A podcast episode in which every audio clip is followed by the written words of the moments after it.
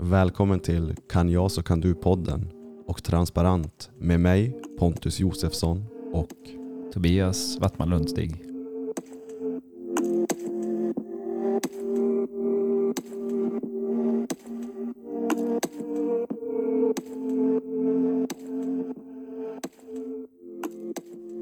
Pontus sitter i samma rum, Yes. bara ett par meter bort. Och ni är nöjda med min mikrofon? Är du Jo. nöjd med den Tobias? Ja, nej, men det, vi har inte förändrat någonting som från när Nej. vi spelade in alldeles nyss. Så det borde vara bara bra. Då så. Mm. Då kör vi. höra din röst, Sven. Ja, det jag tycker det låter bra. Jag hör ju Pontus Mm. klart och tydligt, så det är inga problem. Mm. Tobias, höj din mick lite grann. På kontrollpanelen. Lite grann bara. Någon millimeter. Vilken av dem är det då? Din är tvåan. Den här. Yes. Den nummer, nummer två. Då ska vi se här, här, här. Yes, bra. Ja. Toppen. Då kör vi. Eh, nu, har ni, nu låter ni ungefär lika högt. Mm. Fint. Det är eh, en krispig vinterdag i Luleå. 18 minusgrader var det när jag klev upp. På Bärnäset. Vad ska man säga? Det är härligt. Det var en, jag glömde säga det när jag kom in. Var det någon som såg månen idag? Jo, Alltså den var helt fantastiskt vacker. Den var, den var på, eh, på den sidan av byggnaden, så den, det går inte att se genom era fönster, Pontus. Mm. I know. Den var riktigt mäktig. Ehm, och idag så har vi en specialgäst fysiskt i vår studio. Yes. Och det är, i, i, i min värld så är du Sven-Sven. ja precis. Sven-Sven Eriksson. Ja, exakt. Ja, fullständiga namnet är väl Sven Eriksson Sundström då. Ja, precis. Men för mig har du blivit Sven-Sven. Ja, det funkar bra det. Ehm, och ehm, det som var intressant med... Vi har ju lärt känna varandra över tid nu. Jo, Och ehm, Sven har, eh, är inne i en pilgrimsvandringsresa i sitt liv känns det som. ja nej, men lite så är det helt klart. Mm. Och eh, tänkte vi kan bara... Och då, då frågade jag eh, Sven här för några, jag vet inte, några veckor sedan eller en månad sedan om, om han skulle vara öppen för att göra ett poddavsnitt och prata om sitt liv och, och vart han är i livet och, och när livet tar en vändning och vad han står inför. Känslor och tankar, idéer, visioner. Ehm, vem han är och hur han har tagit sig hit där han är idag och eh, vad det är som gör att han vill titta sig runt lite grann. Så eh, välkommen till studion. Stort tack. Hur känns det att vara här? Nej, men det känns bra. Det är klart lite, lite pirrigt är det ju. Ja. Men ja, jag känner mig lugn och trygg. Är det första eh, som podcastkonceptet för dig Sven? Absolut, jag är inte, har inte varit med i något sånt här tidigare. Okej. Du kanske blir en podcaster efter det här. Man vet aldrig. Nej, exakt. Ehm, oj. Så tänkte höra hur, hur kom vi i kontakt med varandra? Kommer du ihåg det? Jo, eh, jag, jag kommer ihåg att jag, jag letade efter någon kiropraktor eller någon som var duktig på, på men lite andra metoder än, än sjukgymnastik här i Luleå.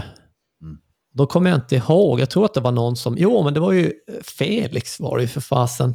På, som, jag, som jag jobbar med, eller har jobbat med. Han har bytt firma nu och då...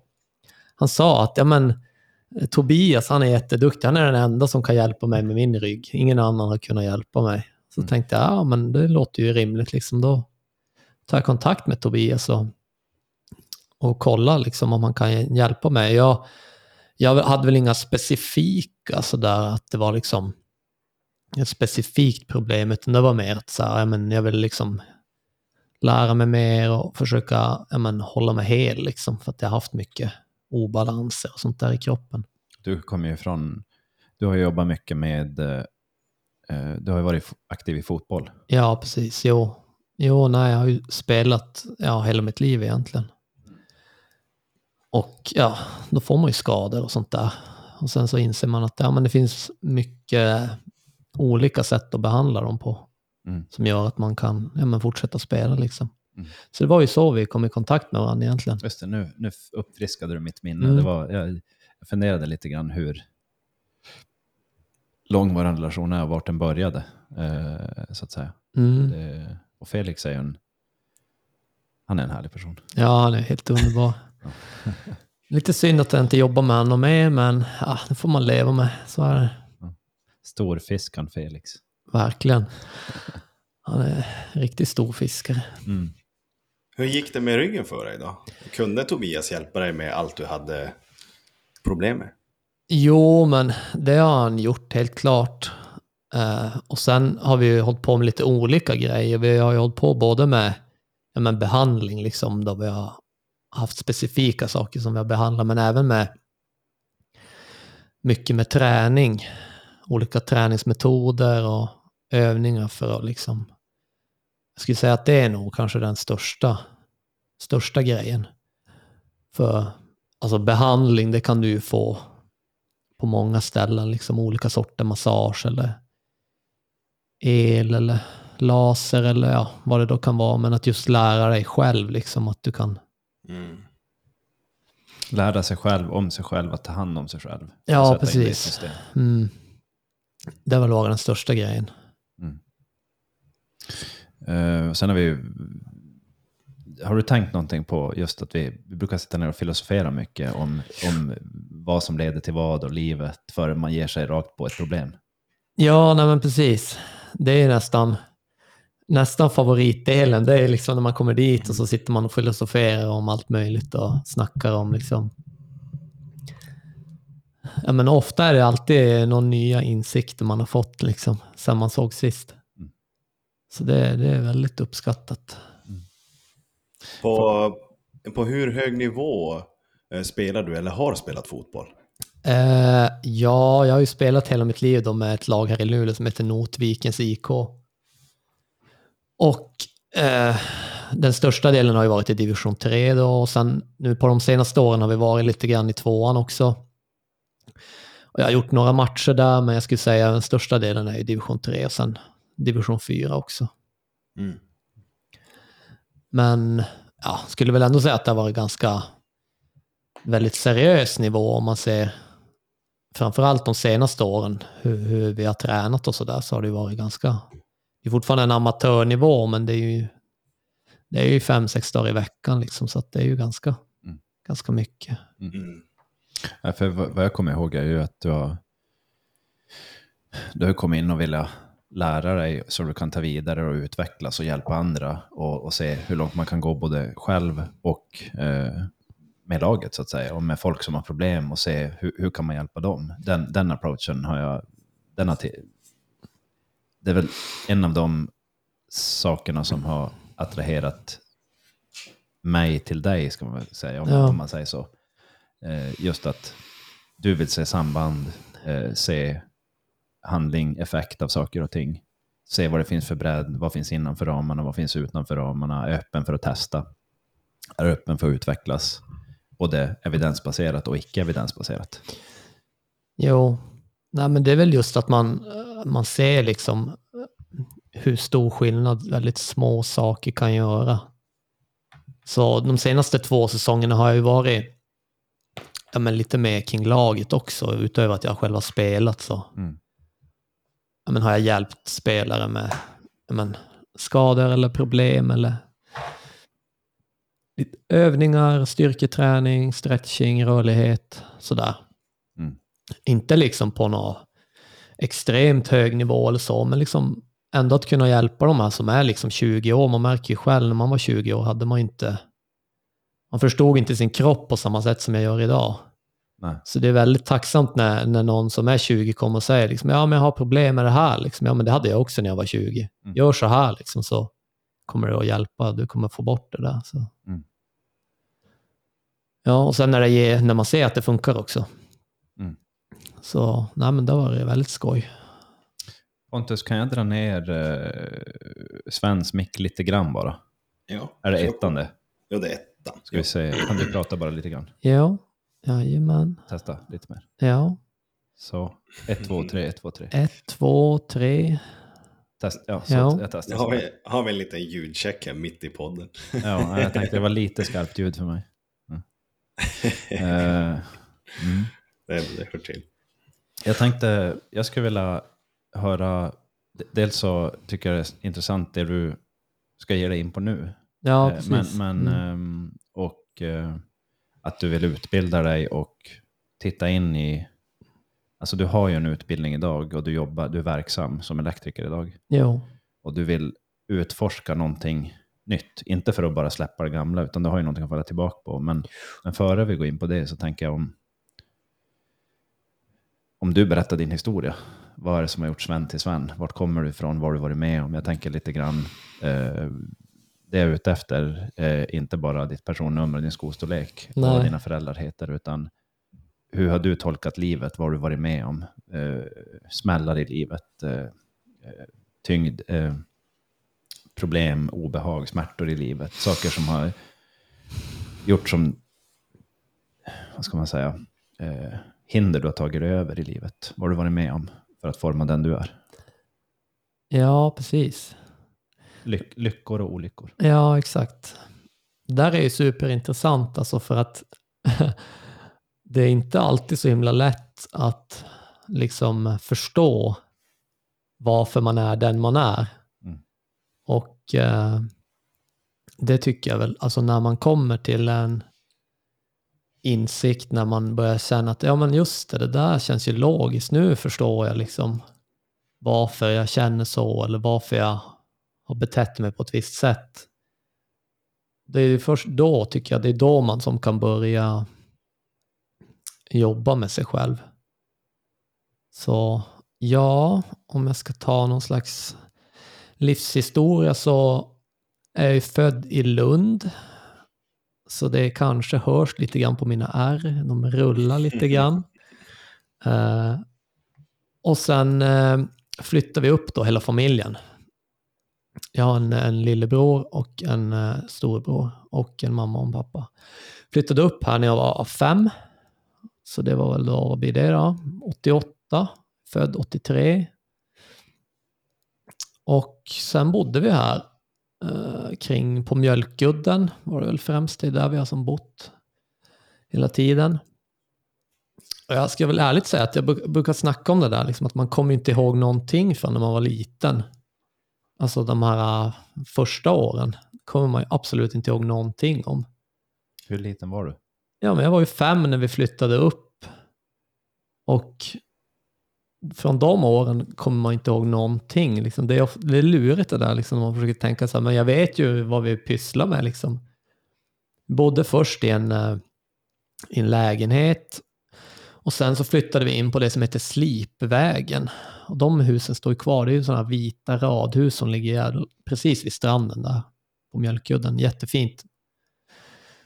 Och där bodde vi ju ganska många år. Eh, och sen så är jag lite osäker på det också, exakt när det var mina föräldrar skilde sig. Men jag tror att vi var väl kanske en tioårsåldern när jag var, något sånt där. Mm. Minns du det? Eh, minns du det någorlunda bra? Alltså jag, jag har minnet av eh, när mina föräldrar de berättade det. Liksom så här, ja, vi har bestämt nu att vi ska skilja oss. Liksom sådär. Eh, sen kommer jag inte ihåg den känslan och liksom sådär. Vad det innebar och så, men min, min inställning har väl alltid varit, så här, när, jag, när jag varit yngre och så, så har jag ju tyckt att det var ju bra att de skilde sig. På grund av? Ja, men för att då slapp man ju de här bråken, liksom, att de bråkade med varandra. Kunde det hända framför er? Ska jag ärligt säga så har jag inte så mycket minnen av det faktiskt. Att det var bråk just framför oss. Men en, en atmosfär som man känner av dig? Ja, däremot har jag, ju, har jag ju starka minnen av att de kunde bråka då när de, ja, hade, när vi hade gått och lagt oss. Då. Men eh, då låg inte jag och sov, liksom, utan jag hörde ju det de sa då istället. Mm. Så, och det, det tyckte jag ju var, var skönt att slippa det. Liksom. Mm. Men, men det är något som jag, som jag kommer ihåg främst från när jag var yngre, att jag tyckte att det var bra. Mm. Men nu när jag är äldre så är det väl ingenting som jag... Jag vet inte, jag har som aldrig tänkt så här, ja det var bra att de skilde sig eller det var dåligt, för det var ju liksom... Det är ju, Du, det, du har kunnat som, acceptera det. ja, det är ju som deras beslut egentligen. Det har ju nästan ingenting med oss att göra. Även om det påverkar oss, alltså mig och min brors bro- bröder, så är det ju ingenting som... Som liksom... Ja, men det är ju deras beslut och Mm. det är en grej som är väldigt... Det är liksom roligt att det har tagit så lång tid för innan jag, alltså innan jag blev mer medveten och lärde mig mer och sådär så, så var jag ju som, då kunde jag ju knappt se dem, alltså mina föräldrar som, menar att de är liksom, de är ju egna personer. Mm. Utan jag kunde bara se dem som mina föräldrar. Mm. Kunde aldrig ens tänka mig, sen när man har blivit äldre så bara, ja men just det, de kanske också har känslor och de kanske också tänker på, Mm. det är klart att det måste varit jobbigt för dem och sådana där saker. Så det, det är ganska roligt att man inser liksom att det har tagit väldigt lång tid. Jag, jag kan tänka mig att det är så för många andra också, men när man kommer... När, du, när du säger lång tid, hur lång tid är lång tid då? Nej men alltså jag, för, för mig är det först kanske de alltså, senaste fem åren som jag börjar så här, ja men om man tänker tillbaka på saker som har hänt och sådär, då har man bara tänkt att de var, man var arg på dem för att de var liksom mina föräldrar, att man tyckte att de var dumma eller någonting. Mm. Men sen fattar man ju att ja, men de hade ju massa annat i sitt liv också. Det var inte så att de bara var en pappa eller bara var en mamma liksom. Så där tog du som ett, ett, ett steg i din emotionella och psykologiska utveckling att koppla bort dem och se att de är separata varelser, men de har varit mina föräldrar. Eller fortfarande är mina föräldrar. Ja, men precis. Alltså, och då förstår man ju liksom att ja, det är klart att de hade ju, har ju säkert haft sina egna problem. Eller Mm. det ju, har ju alla liksom. Mm. Mm. Och så att ja, man, jag, är ju, liksom, jag vet ju att de har gjort liksom allt de har kunnat för mig. Liksom det är man ju, tvekar man ju inte på. Nej. Vad- har, är de vid liv idag? Jo, jo är, men båda två de bor här i Luleå. Och vad har ni för relation? Ja, Men vi har väl en, alltså jag skulle säga en ganska bra relation. Vi hörs ganska ofta och ja, umgås en del. Sen är det klart att, att eh, ja, men jag hoppas att den kan bli ännu bättre. Mm. Alltså just det här eh, djupare diskussionerna har vi inte så ofta. Vad skulle, om vad skulle kunna göra relationen bättre om du skulle säga att den skulle kunna bli bättre? Nej, men det är väl att få ett, ett alltså få mer djupare samtal om livet och liksom, för jag menar, de har ju ändå levt ja, rätt mycket längre än mig, så jag tänker att de förmodligen har saker som man kan lära sig av. Eh, Jag brukar ju få... Jag brukar ta, eller om man säger så här, i vissa miljöer så kan man säga så här, man drar ett kort och då, då, då lägger man ut någonting, man lägger ut en hand och visar någon vad man har så får de titta på den, poker till Ja, exempel. ja. Mm, mm. Så dra det kortet brukar jag säga eh, ibland i vissa miljöer. Och jag brukar dra det kortet ibland som du är inne på nu. Då jag eh, meddelar åt, säg att man har en person som är hälften av ens ålder. Eh, och så, de har ju känslor och idéer och de, de, de agerar på sina känslor och idéer, men de är kanske inte helt genomtänkta. Så en ung person kanske reagerar väldigt kraftigt på någonting som är så här, men det, det hade du inte behövt reagera så kraftigt på. Eller de har en tankebana som inte är så fullt utvecklad i förhållande till någon som är, har levt dubbelt så länge. Då.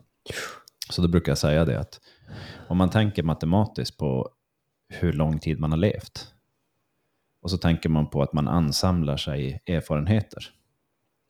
Hur, hur, om, och så tänker man att en person är i 20-årsåldern eller och så stöter man på någon som är i 40 eller 50-årsåldern. Om personen som är både i 40 och 50-årsåldern, eller säg, säg 50-årsåldern, är öppen för att prata och personen som är 20-årsåldern är öppen för att prata, då kan man byta så enormt mycket erfarenheter. Men ibland så möter man personer som är, man ska säga någonting till varandra, men man är som inte öppen för att höra. Det är ju som man stöter, det kanske är mellan vänner eller på arbetsplatser eller så vidare. Man, man är inte helt öppen. Så att vara öppen däremellan är en intressant sak. Och då, när jag lyfter det på det sättet i vissa miljöer, och så säger jag till, säg att vi, vi har en, en, en person som är 20 år eller 22. Och så säger jag att med mina 45 år, snart 46 år, så om jag får dela med mig av mina livserfarenheter, livserfarenheter till er eller till dig, och vi kan diskutera dem för att nå till någon form av utvecklad effekt. Det är rätt intressant. Om man är öppen för samtalet, om båda är det. Och då brukar folk haja till. Just det, just det. Man, blir ju faktiskt, man kan ju faktiskt ta 25 år av erfarenhet här. Eh, men det gäller ju att båda är medvetna om att vara öppen. Och att prata på en viss nivå är ju lite, vad ska man säga? Man får gå utanför sina eh, normal, normer och gränser. Och där är ju inte alla så, vad ska man säga, trygg med att göra det. Nej, men så är det ju. Absolut. Det är ju... Det, det är inte så himla enkelt. Samtidigt som det jag kan tycka det är superenkelt när man har börjat med det. Jo, Men, jo. men, men samtidigt finns det ju ett, precis som du säger, det är inte så enkelt, men ändå är det ganska enkelt. Det är som en, en fascinerande dynamik där. Kan jag, ty- kan jag uppleva i alla fall. Jo. Jo, nej, men det är alltså just om man får alltså den där, äh, vad ska man säga, en typ av connection med en person Mm. där man kan prata på det sättet så när man väl har börjat så är det ju hur lätt som helst. Mm. Så det, det stämmer ju precis som du säger. Mm. Så, Har du, ja. för, har du försökt att ha den här djupare eh, eh, diskussionen eller den här djupare kontakten med dina föräldrar? Nå, jag skulle säga att jag inte har det. Jag har inte försökt nog. Okej. Eh, det, det har jag inte. Men, men det hoppas jag kunna göra. Jag fick en, just det här, du ställde frågan Pontus, eh, den här, just den här fördjupade relationsfrågan, har man den? Har man kommit dit? Och eh, jag vet att jag berättar vid ett, jag tror jag berättar i ett avsnitt, men jag brukar berätta det i möten jag har med människor, när jag, jag nådde den med min bror. Och det var en specifik dag då det hände. Och då hade vi varit i, jag var och hälsade på honom i, där han bor i Örnsköldsvik. Och vi har, vi har väldigt haft en, jag skulle säga ganska barnslig, ungdomlig, omogen relation till varandra. Eh, inte, inte 100% av relationen, men en stor del, en, en stor procentuell del av, av relationen har varit ganska omogen. Vi har tävlat med varandra på ett sätt som jag har tyckt varit, eh, det, det är inget trevligt. Jag skulle vilja komma förbi det. Och eh, det var ju en process när jag höll på att utbilda mig i kommunikation och eh, coachningstekniker och, och, och vägledning av en själv och andra människor. Och, och så kom jag ner till honom och så vart det en sån här, vad ska jag säga, typisk sån situation som vi brukar hamna i. Typ att vi började, vad ska man säga, jag brukar kalla det för one-up. Och det är när en person säger någonting, säg att man har något att säga till varandra, då, då uppfattar person, den andra personen att man sätter sig över. Och då ska den andra personen sätta sig över och så blir det så här, tuk, tuk, en över, en över, en över. Och då blir det till slut ohållbart, för det blir så hög spänning i rummet. Och då kände jag att jag, jag var så trött. Eh, jag blev besviken på att det blev så. Jag var hungrig, jag var sugen på en kopp kaffe. Och så sa jag till min bror att alltså nu är vi på, på ett sånt här sätt. Ja, nu känns det som att vi, vi krigar med varandra. Det, det känns som en obehaglig, skarp stämning i rummet. Det känns som... Ja, det känns inget trevligt. Nå- Jag jag tror jag sa att det, det känns hårt och som att vi är i en konflikt. Och då vart han arg. Och bara, vad fan menar du? För han, han var som så van att vi pratade på den nivån med varandra rätt ofta. Och jag hade som analyserat, jag, jag, jag tycker inte det är trevligt. Jag tycker inte alls vi, vi utvecklas av det här, utan vi står som kvar på ett ganska, ja men ett plan som jag inte vill stå kvar på. Och så berättade jag åt honom att jag skulle vilja att vi som, vi kan absolut mö- vi behöver mötas någonstans. Och jag tror att vi kan mötas 100% på en plats just nu. Och då säger han så här, vad skulle det vara för någon plats då? Ja, att vi ser på saker olika och det behöver inte vara ett problem. Och då var det som tyst i rummet och så sa han, ja det har du ju rätt i. Och så sa jag åt honom att jag, jag vill att vi, jag vill ha kvar min bror. Jag vill kunna ha en bror som jag kan prata med om vad som helst. Som när jag säger någonting till honom, vad det än är, så lyssnar min bror på mig som att jag har något viktigt att berätta. Och funderar kanske på varför jag berättar det. Inte tar det som att jag ger honom kritik och nu måste han komma med någonting bättre. För fortsätter vi med den relationen, då är inte jag intresserad av att ha en relation längre. Då kommer vi vara bara så här, jag har en bror och det är mitt blod, men vi har ingen relation. Det var dit det var på väg kände jag. Och det här var vi kanske i, jag var kanske 30, ja men säg att det är typ åtta år sedan och sånt. Jag, giss, jag gissar bara i tid nu. Från den dagen efter vi satte oss och tog den kopp kaffen, kopp, kopp kaffen, kopp kaffe, den kopp kaffen, så förändrades vår relation på ett unikt sätt. Vi började prata med varandra på en helt annan nivå. Och jag fick en bror som jag typ visste att jag hade haft, men jag hade aldrig haft det. Och jag tror han fick en liknande känsla. Och, och efter det har vi faktiskt aldrig haft en konflikt. Vi har inte alltid delat varandras meningar till 100%, men vi däremot kan lyssna och hjälpa varandra och, och filosofera tillsammans och, och eh, finna, finna en eh, stabil, jämn mark att stå på tillsammans och sen, sen titta på livet och saker och ting. Och det var en sån eh, situation som jag upplever att det är många som inte tar sig till den. Med en nära och kär eller en vän eller vem det nu är, en, en, någon man har i nära relation. Man kan hamna i en konflikt och så löser man inte konflikten. Hur, hur lät det där som jag berättar just nu? Nej, men jag tror jag, förstår vad du menar. Jag tror ännu vanligare, tror jag nästan, det är att man aldrig försöker. Mm. Alltså, man har, kanske inte har någon konflikt, men man har liksom inte den där djupare relationen, utan man har mer en... Vad jag menar med konflikt var att vi, vi hade ju ingen riktig allvarlig konflikt, utan vi hade som bara en tävlingsmekanik när vi umgicks. Och vi kunde som inte prata på den där riktigt djupa nivån. Det kallar jag för en konflikt Ja, i vår mm. relation. Och när vi pratade med varandra, då var det som att vi en skulle visa sig större än den andra alltid. Och så tog det stopp, för jag kände bara att jag orkar inte med det här. Och det för mig är en lågfrekvent konflikt. Och, och i det är det samma. Att då ger man så, då, jag har- hade en känsla att jag ger ju upp om det inte är så här. Man ger upp, man ger upp. Man, man försöker som till en, lå, till en viss nivå. Och så ger man upp för att jag orkar bara inte. Så det tror jag många hamnar i. Just att man, och då kan man säga att man hade riktigt försökt. Men där i det, den situationen som jag beskrev där, då gjorde jag ett riktigt försök att jag vill nå dig. Och jag uttalade det på det sättet också. Jag vill nå dig och jag vill att du ska kunna nå mig. Och jag vill som ta bort någonting som vi använder oss av. Och det var extremt effektivt. Och det upplever jag att många tar sig inte, samlar inte mod och tar sig tid till att ta den, det samtalet på den nivån. Med de man har runt omkring sig. Nej, men så är det ju absolut. Det, det, det, det tror jag också. Det är väldigt lätt att man, ja, man bara gör ingenting liksom.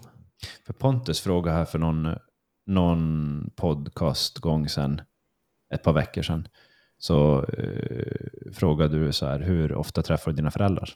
Mm, just det. Mm. Och det här är en intressant, eh, Ska jag dra den? ja det kan du göra. Eh, men om jag frågar dig Sven då. Eh, hur många gånger per år träffar du dina föräldrar?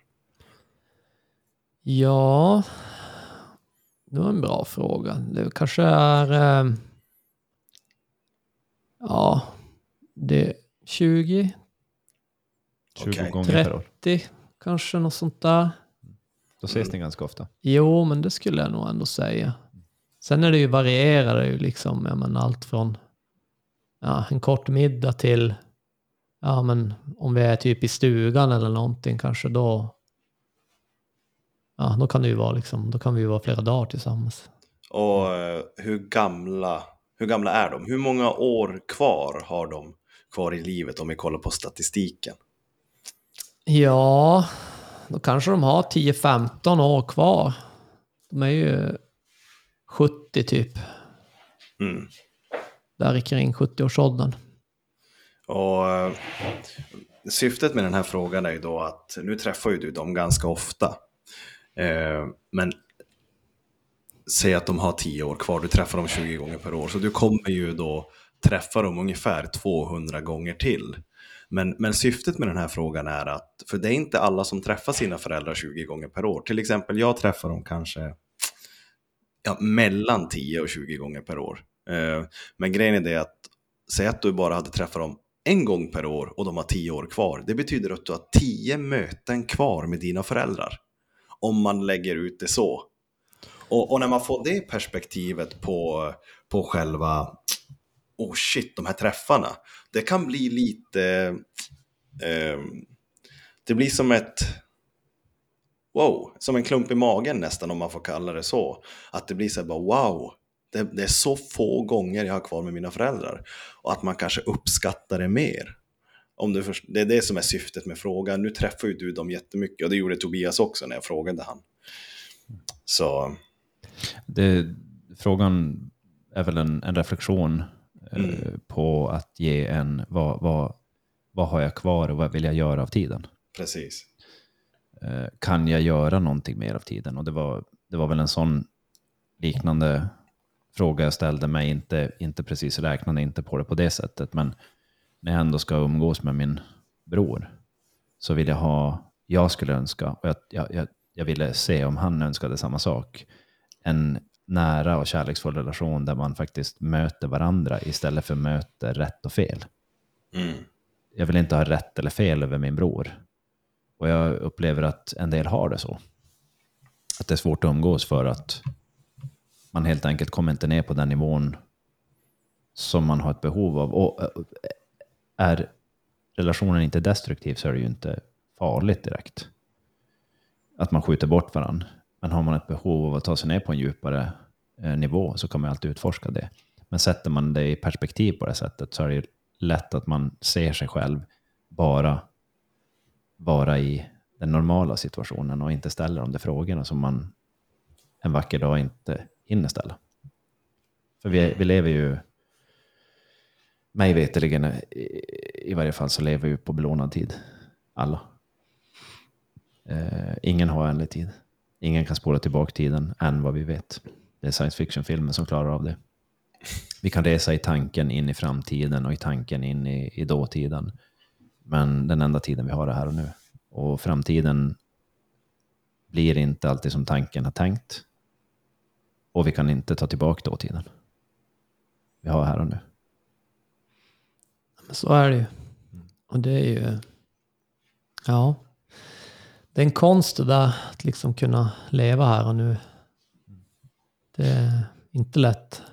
Får jag fråga, när du säger att det är en konst att leva och det är inte lätt, vad, vad har du gått igenom i livet som har varit, som du har behövt utveckla en konst för att hantera som inte har varit så lätt? Har du haft några sådana situationer? Eh, ja, men precis. Bra fråga. Eh, för det är ju, jag tänker att det är en del av de sakerna som formar dig till den du är. Ja, nej men exakt. Alltså, man kan väl säga att det är väl främst de här, jag skulle säga främst kanske till och med sista året som jag har lärt mig mer och förstått mer att det, men, hur mycket ens, liksom, ens tankar påverkar hur man mår och liksom och att då hela tiden antingen leva i det förflutna eller i framtiden, det blir ju inte så bra. Mm. Eh, så det, det försöker jag jobba med mycket. Alltså att inte liksom ja, men, typ älta saker helt enkelt. För det är ju jättelätt att man har ja, men, till exempel att, man, att man ältar någonting. Att det, men, nu var det jobbigt, eller varför gick det sådär? Och vad hade jag kunnat göra annorlunda? Och det, ja, okej, man kan ju lära sig någonting av en situation, men när den har varit så kan du ju inte förändra den liksom. Mm. Utan då, då är det ju liksom här och nu som gäller. På samma sätt är det ju, ja men, liksom framtiden, ja okej. Du vet om att du ska göra någonting. Och att, men om du liksom konstant går runt och oroar dig för det, då, då missar du ju allt som händer nu. Liksom. Man kan ju missa väldigt mycket. Ja, alltså det, det, det där, jag kan komma på mig alltså ganska ofta, tyvärr fortfarande, att liksom men jag är på något ställe och umgås med någon och sen typ kommer man hem och så typ bara, ah, fast jag var som inte riktigt närvarande där. Jag var, som, jag var ju där och så, men Mm. fan, jag, jag känns som att jag missade någonting. Liksom. Jag var som inte riktigt... Hmm. Eh, Har, har du några särskilda händelser då senaste året eller åren som har gjort att du har börjat tänka de här banorna? Vad är det som har förvandlat dig? Alltså, ja.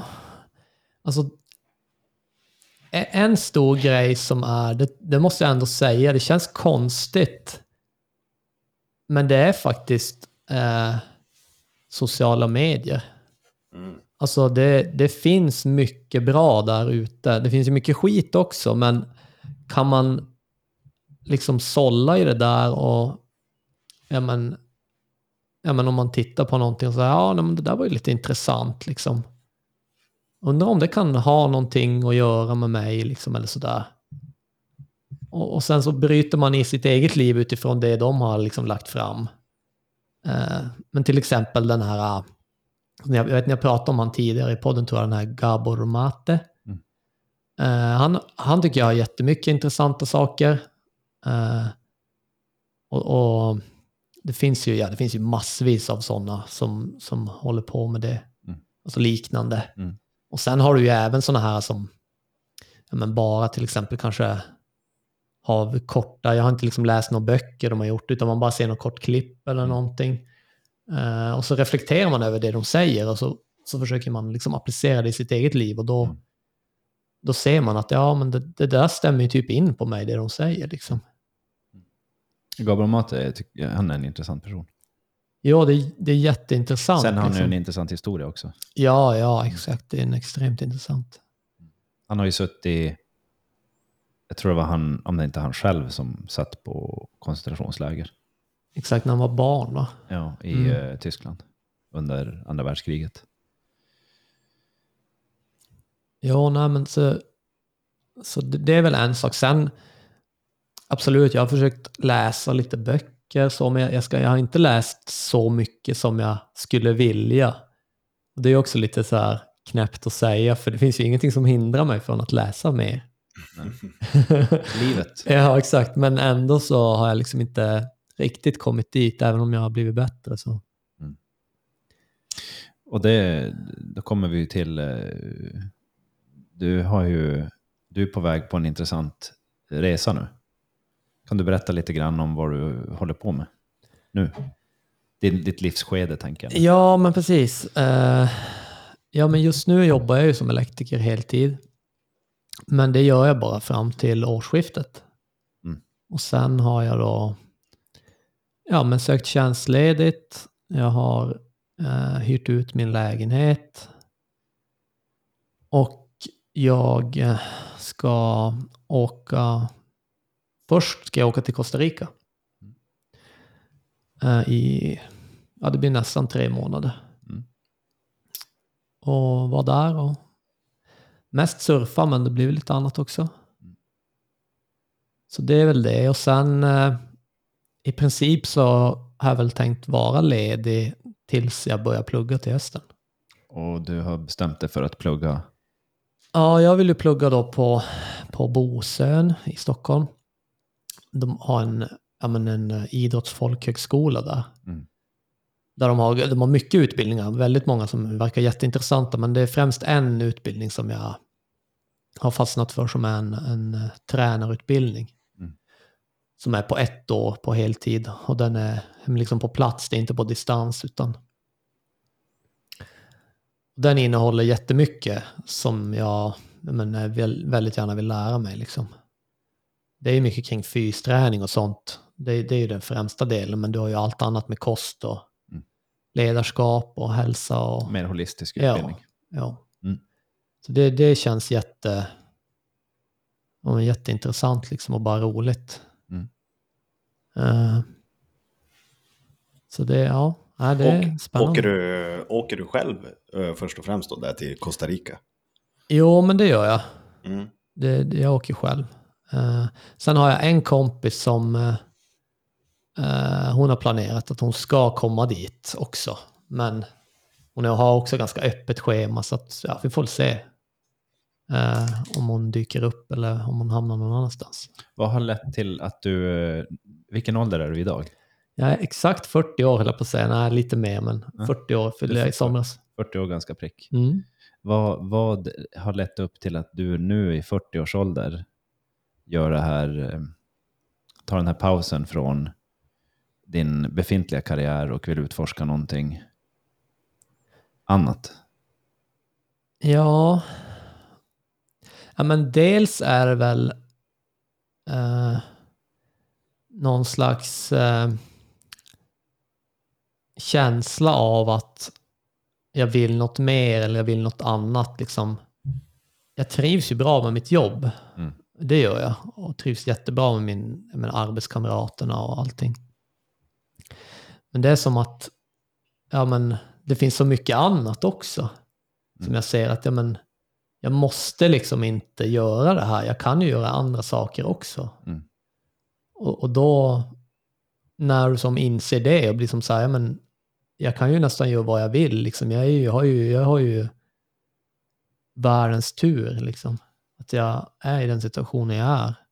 Så då var det som nästan att Ja, men då, då, då var det som, ja men det är klart jag ska prova någonting annat. Det är klart jag vill, ja, det här vill jag ju lära mig om. Jag är intresserad av det här liksom. Då, då, då är det bara att köra. Och du följer lite mer en, en eh, väg efter en, någon form av passion nu? Ja, men lite så. Alltså, sen är det väl också delvis, alltså nu när jag har men, hållit på lite grann i laget, liksom, och det är ju på väldigt ja, men, amatörnivå, men ändå så ser jag att ja, men, det, det funkar ganska bra det här. Liksom, jag kan hjälpa de här andra spelarna och, och det gör, ger resultat. Då blir det som så här, ja, men, ja, men kanske, kanske kan man jobba med det här också. Man förändrar världen lite varje dag på sitt sätt. Ja, men precis, lite Mm. så. Eh, Så ja, nej men det... Så det är väl lite så, så jag tänker. Däremot så, det, det är ganska roligt, det är många som har frågat mig liksom, ja men vad gör du sen då när du har gått den här utbildningen? Blir du kvar där? Ska du jobba? Vad ska du göra? Eh, och det är som sagt att nej, men det, det får vi se då. Mm. Så. För är, det, är det något jag på något sätt har, har lärt mig så, ja men, det, det går inte att planera hur mycket som helst, alltså sitt liv i framtiden. Det, En utmaning är väl att om man, om man tänker att man ska planera allting så kan man ju bara planera för det man vet. jo, Och utanför ramen så det man inte vet, är man inte öppen för det och man tänker att allting som jag ska, jag ska veta allting helt säkert, då sätter man ju en väldigt tajt ram runt sig själv. Ramverket blir väldigt hårt åtskruvat. Och mycket av livet hamnar, hamnar ju i gråzoner. Och du är på väg nu och du har lossat på ramarna och drar iväg utanför och ser vad som händer. Ja men precis, lite så är det ju. Mm. Eh, och liksom att, ja men, ja men vi får väl se. Mm.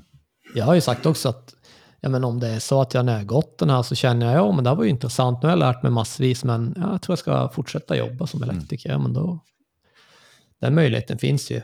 Mm. För är det någonting det behövs så är det ju då elektriker i alla Jo, fall. jo, ja, här uppe i den här delen av landet i alla fall. Det, finns, det, det behövs hantverkare och elektriker och allt möjligt överallt hela tiden. Så du löper nog ingen risk av att inte få anställningen. Nej, nej, jag är inte alls orolig över det. Men där är ju också en, bara det är en intressant sak. Så när du kom in till mig och berättade att du hade bestämt dig för att göra det här så satt vi ner och pratade en stund och då, då lät det för mig som att eh, Sven Sven drar iväg på en pilgrimsresa här Mm. i Ja, sitt liv. Tar en liten paus och tar en vandring genom livet. Även fast du nu tar ett flyg och, och åker till Costa Rica och surfar så kändes det för mig som att den här mannen drar iväg på en pilgrimsresa mitt i livet för att se vad livet har mer att erbjuda. Inte för att säga att den platsen du är på är dålig, men du vill utforska ifall, du, ifall det finns någonting mer. Ja, men exakt så är det ju. Eh, vad har gjort att du vill göra det här? Har du reflekterat på det någonting? jo, det, det har jag gjort. Eh, till viss del har det ju varit att jag har känt, om jag går tillbaka några år, eh, att jag har kommit till den punkten att jag som känt att nej men, det här funkar inte. Liksom. Jag, jag vill må bättre, jag vill känna mig gladare, jag vill mer. Liksom. Eh, och sen har man väl kommit, ja, men börjat där och bryta lite och sådär. Och försöka liksom analysera att, ja, men, varför är jag inte så glad eller varför mår jag inte så bra? Jag menar, vadå? Det finns ju, jag har ju massvis av bra grejer i mitt liv. Mm. Eh, och jag, liksom, jag har ju möjligheter som inte alla har. Liksom. I och med att jag inte har någon familj eller barn eller sådär. Liksom, så. Det var ingenting som förankrar dig hårt här och nu. Nej, precis. Och, och ändå då så har jag ju levt ett ganska styrt liv i och med att jag har ju prioriterat fotbollen väldigt mycket. Mm. Så att jag har ju, ja men, är det träning så är det träning. Om inte missar jag någon träning. Liksom. Så du där har varit ju, väldigt noggrann har jag märkt. ja, så har ju resonemanget varit. Och det, och det har ju varit bra, liksom. inte, inte för den sakens skull, men eh, det är ändå intressant att koppla ihop det med att, ja men varför har jag valt att leva så? Mm. Och sen när man börjar förstå att, ja men det har ju varit kanske för att liksom, att det har varit ett sätt att liksom, ja men det har ändå funkat, det har varit bra, det har funkat på ett hyfsat sätt, men och det har gett mig liksom fördelar. Att det är träning och liksom sådana här saker. Eh, som, som har gjort att ja, ja, men livet har funkat bra. Mm. Hyfsat, men, men jag känner att ja, men, det finns mer. Jag tror att jag kan må mycket bättre. Liksom. För när du, när du säger sådär, man kan må mycket bättre, så finns det... ehm, min, min partner kom hem igår och hon har varit och hjälpt sin syster som är sjuk eh, och hennes familj. Och hon har, ja, ska, behöver inte gå in på det nu, men hon har en allvarlig sjukdom. Hon har varit och besökt sjukhuset och fått nå, få hjälp helt enkelt. Och eh, då när min Sandra kommer tillbaka så sa hon, hon brukar vara lite betyngd och lite upprörd när hon kommer tillbaka för hon, har, hon ser att de har det tyngre än hon skulle vilja. Om man skulle få ge någon någonting så tycker hon att de har för mycket tyngd i sitt liv. Eh, Förstår du vad jag menar? Jo. Och eh, det där är ju någonting som är en utmaning att, att ta del av när man bryr sig om någon och så får de mycket tyngd i deras liv på ett sätt som ja, men tynger ner dem helt enkelt. Inte för att säga att de gör någonting bra eller dåligt eller si eller så, utan det, de har tyngd eh, för närvarande i sitt liv som är tuff att hantera. Och då kom hon hem och så sa hon att eh, det var någon person, jag vet inte vem det var, som hade sagt att livet är, livet är en resa genom smärta, obehag och problem. Och om man lär sig att ju mer man förstår att det är så, ju klarare blir vägen. För då vet man att man behöver en massa verktyg för att hantera de här situationerna och det man upplever. Och det har jag sett genom livet också, att mycket av livet är ju en resa genom väldigt mycket saker och ting som är tuffa att hantera.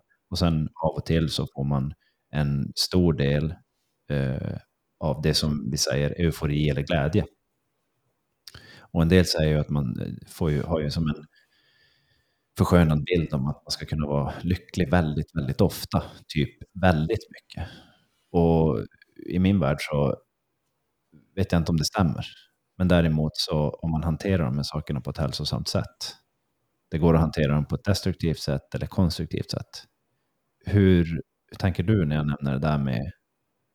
För du beskrev just att jag inte varit riktigt glad och jag vill se om jag kan utveckla Mm. någonting annat. Se någonting annat. Nej, men jag, jag tror jag förstår vad du menar. För att det där har jag också kommit lite till insikt om. att och det, det kan man väl säga. Det har väl, det har väl kommit lite tidigare. Det var nog säkert, ja, jag vet inte, kanske tio år sedan. Då man på något sätt kom på att, ja men, alltså att, att det är som du säger, där, liksom att det händer massa grejer och liksom allt sånt där. Men det stämmer ju till 100 procent. Uh, men när du på något sätt mår dåligt utan att du vet varför eller att det, det har som inte hänt något, men ändå så är det som att det har hänt Och bara gå runt och bara oj vad dåligt allting är och vad, vad, vad, vad nedstämd jag är hela tiden. Har du varit på en sån plats? Ja, ja absolut. Uh, och då är det som att det är då du börjar bryta ner att ja, men det beror ju ändå på någonting. För att just nu det händer ju ingenting här. Liksom. Det går ju bra här och ändå så, så mår jag inte bra. Liksom där sa du ju någonting otroligt intressant. Allting går så bra, men det har som normaliserats. Jag har mat, jag har eh, tak över huvudet, jag har värme, jag har goda relationer till folk, men det kanske inte har någonting som utmanar mig. Nej. Uh... I den riktning jag har ett behov av då. Nej, precis. Men att bara utmana, ta på sig kläder när det är vinter, det, det utmanar ju en lite grann. Jo. Jo, Nej, men alltså det, det där, ja. Nej, men så, så har det varit lite för mig. Att det där, eh, och, ja, det, det, är intressant alltså, när man, när man liksom kommer till en insikt att, att ja, men, livet är inte lätt. Liksom. För, för det, det är ju det man tror i början. Alltså, när man är kring 20, då, då tror man ju att, att det ska vara lätt nästan. Det känns ju som att man tänker så. Och många gånger är det ju det när du är i den åldern, du är väldigt fri, du liksom har, kan göra lite vad du vill och ja, inte alla då givetvis, men, men... Jag skulle säga eh, det är en intressant resa från ungdom till eh, när man börjar bli vuxen tills när man har blivit vuxen. Jo. För en ung person vill växa upp och få ansvar. Men när man, när man får allt det där ansvaret och blir äldre, då kan man titta tillbaka till ungdomen som den fria tiden. Ja. Eh, och de, de där blir, kan ju bli en konflikt i varandra. Eh, så en utmaning verkar ju vara att vi, vi går igenom de här faserna. Eh, och så tror vi att om jag bara tar mig till nästa fas så mår jag bättre eller, eller blir lyckligare. Mm. Och utmaningen som åtminstone eh, jag tittar mycket till Eh, buddhismen och zen-buddhismen och, och mindfulness. När, när jag, eh, det märker jag har gett mig jättemycket jag tycker det är ett väldigt effektivt sätt att se på saker och ting, att träna på att vara här och nu och se vad har man här och nu och vad gör man här och nu? Vad har man för relation till här och nu, alltså nutid? För planerar man för framtiden eller hela tiden befinner sig i tanken i framtiden för att någonting bra ska hända där framme, då är vi inte här och nu. Om vi ångrar någonting som vi gjorde där, där och då, tidigare i livet, så är vi inte här och nu. Men här och nu är enda stunden som vi har eh, om man kollar på det rent krast, att påverka vårt liv. Och om man börjar titta på hur mycket man är här och nu i sitt sinne och i sin kropp, så visar det sig att väldigt många är inte här och nu. Och när man väl ska hantera en situation, ju mer man inte är här och nu, så blir situationens hantering här och nu sämre. Ja, nej, men det stämmer till 100 procent. Jag tror det är en sak, just det där med här och nu. Det tror jag har, varit, har jag tänkt mer och mer på, alltså just det här med fotbollen. Det har ju varit en, alltså, för mig har det varit nästan det bästa sättet att träna på att vara här och nu. För det, för när man, det spelar ingen roll hur mycket bekymmer man har känt att man har eller att man liksom har känt sig nedstämd, att allting har varit skit. När du kommer till träningen och så ska du liksom börja träna fotboll, då måste du liksom vara här och nu. Om du tänker på något annat, det blir kaos direkt. Mm. Liksom. Du måste vara 100% fokuserad. Där märker man ju effekten, ja. att, att vara någon annanstans och försöka leverera här ja. och nu, vad som händer. Och, och, för mig har det aldrig varit något problem att vara här och nu heller när jag väl är på träningen. Mm. Och, så det har ju varit en otrolig grej. Alltså, att liksom verkligen koppla bort allt annat just när du är på träningen. Så då är, då är eh, fotbollen har varit din eh, meditation och din happy place? Ja, men alltså i princip så är det så. Det, så känner jag i alla fall att det, det har det varit. Sen är det liksom ja, men, en enorm kärlek till själva sporten och hela den biten har ju också såklart drivit den. Liksom. Vad säger Mm. dina lagkamrater nu när Sven, Sven drar iväg på en pilgrimsresa?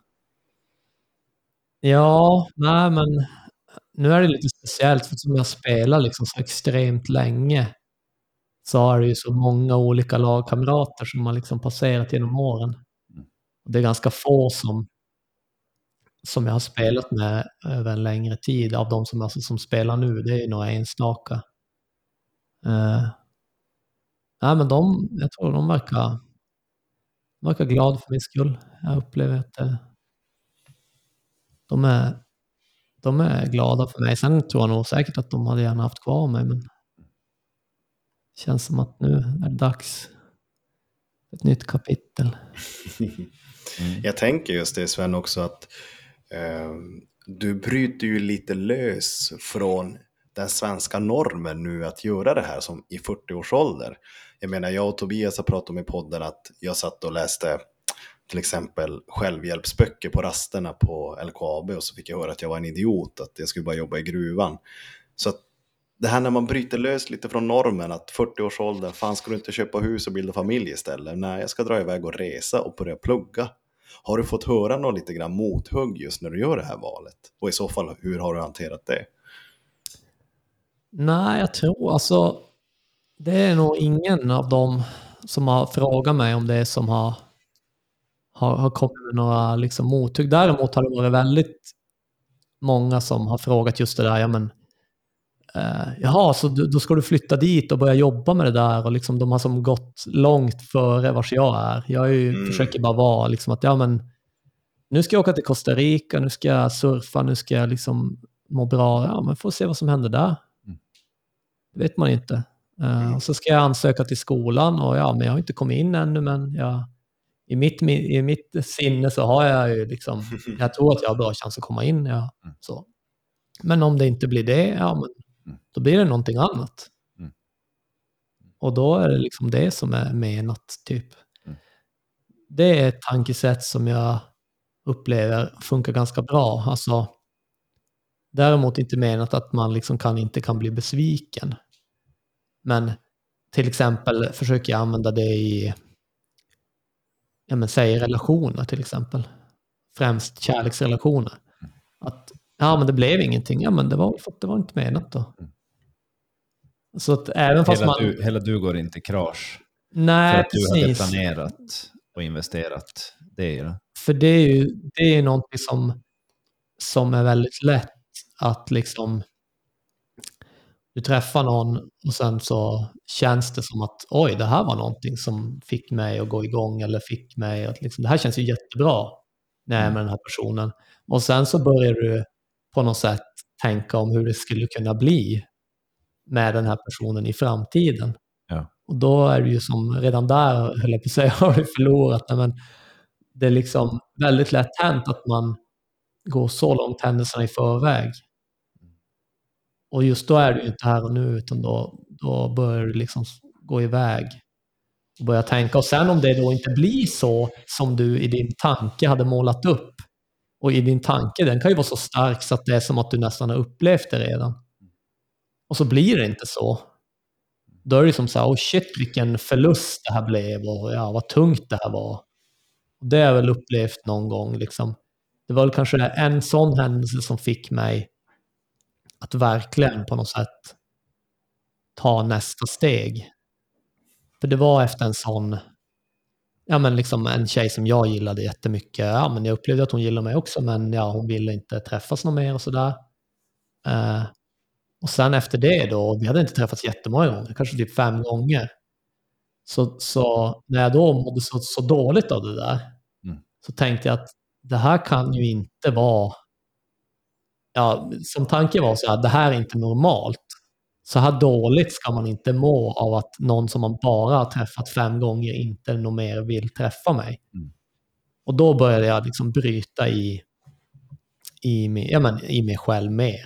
Du hade skapat en allvarligare situation än vad den hade behövt vara i den relationen. Ja, precis. Och då, då förstod jag att okej, ja, men eh, jag var intresserad av henne och hon var intressant och ja, men, fin på alla sätt, men det kan inte bara vara.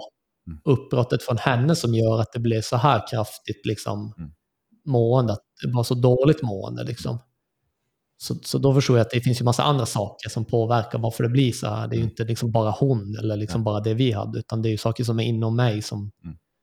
Eh, så ja, det är jag ganska tacksam för att det blev som det blev. Och, och där har jag liksom lärt mig det tankesättet att ja, men, tänk om det, det hade kunnat bli vi två, säg. Mm. Och så hade det kunnat bli kanske familj eller whatever. Mm.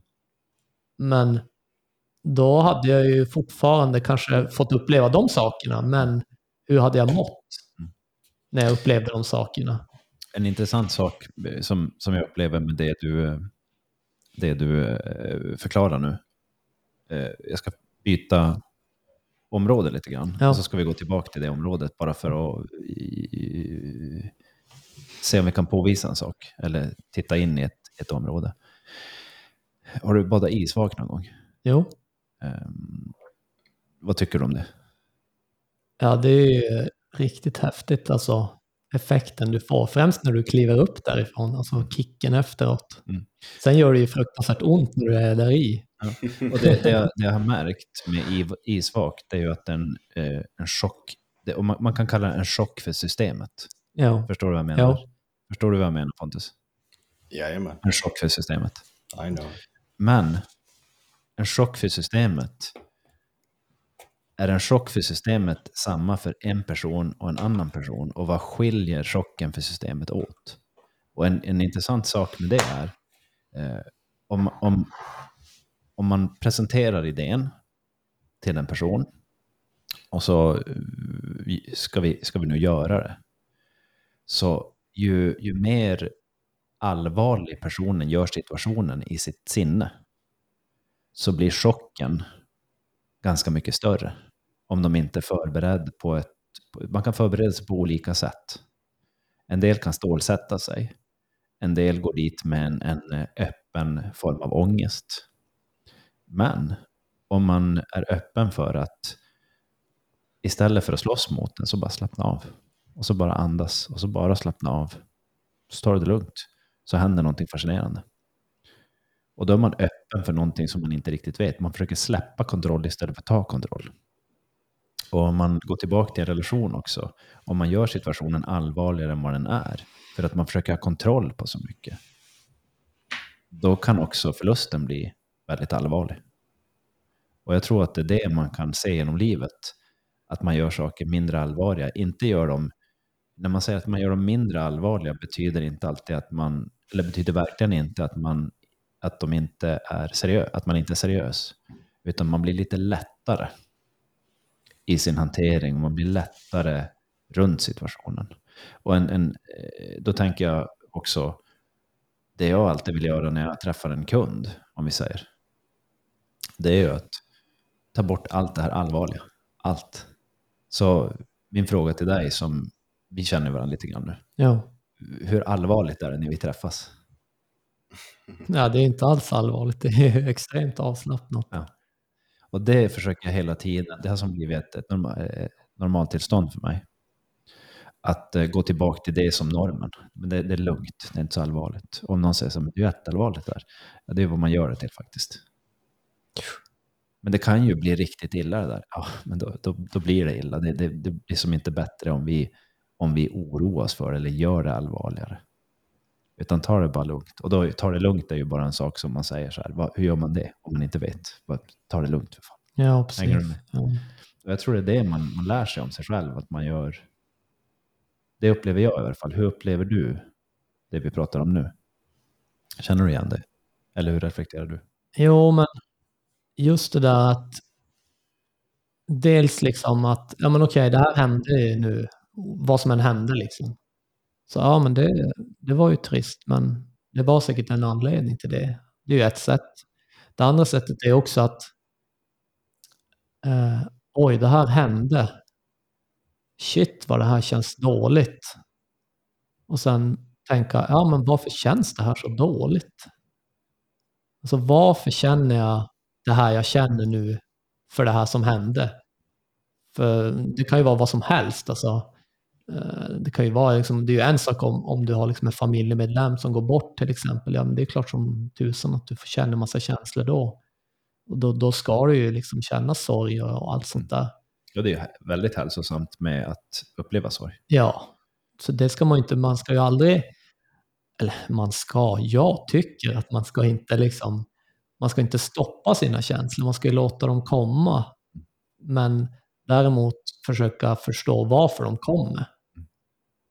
Uh, för det, jag menar ibland så, jag menar just det här när man blir triggad, när man får liksom en, en känsla av någonting. Så tänker man, men shit vad jag kände mycket, vad var det som hände där egentligen? Mm. Istället för att liksom agera på den där känslan. Och, men, det kan ju vara ilska till exempel, eller ibland, men det är samma där, att liksom visa ilska. Det har väl varit en grej som jag varit liksom superdålig på. Alltså jag kunde ha varit arg, men jag har ju absolut inte släppt fram det. Då är man ju inte riktigt ärlig med sig själv. Nej, precis. Utan du måste ju liksom, hälsosam ilska är ju, är ju hälsosamt. Om du, om du trycker ner ilska så kommer det inte att leda till något bra. Liksom. Får jag fråga en lite annorlunda fråga?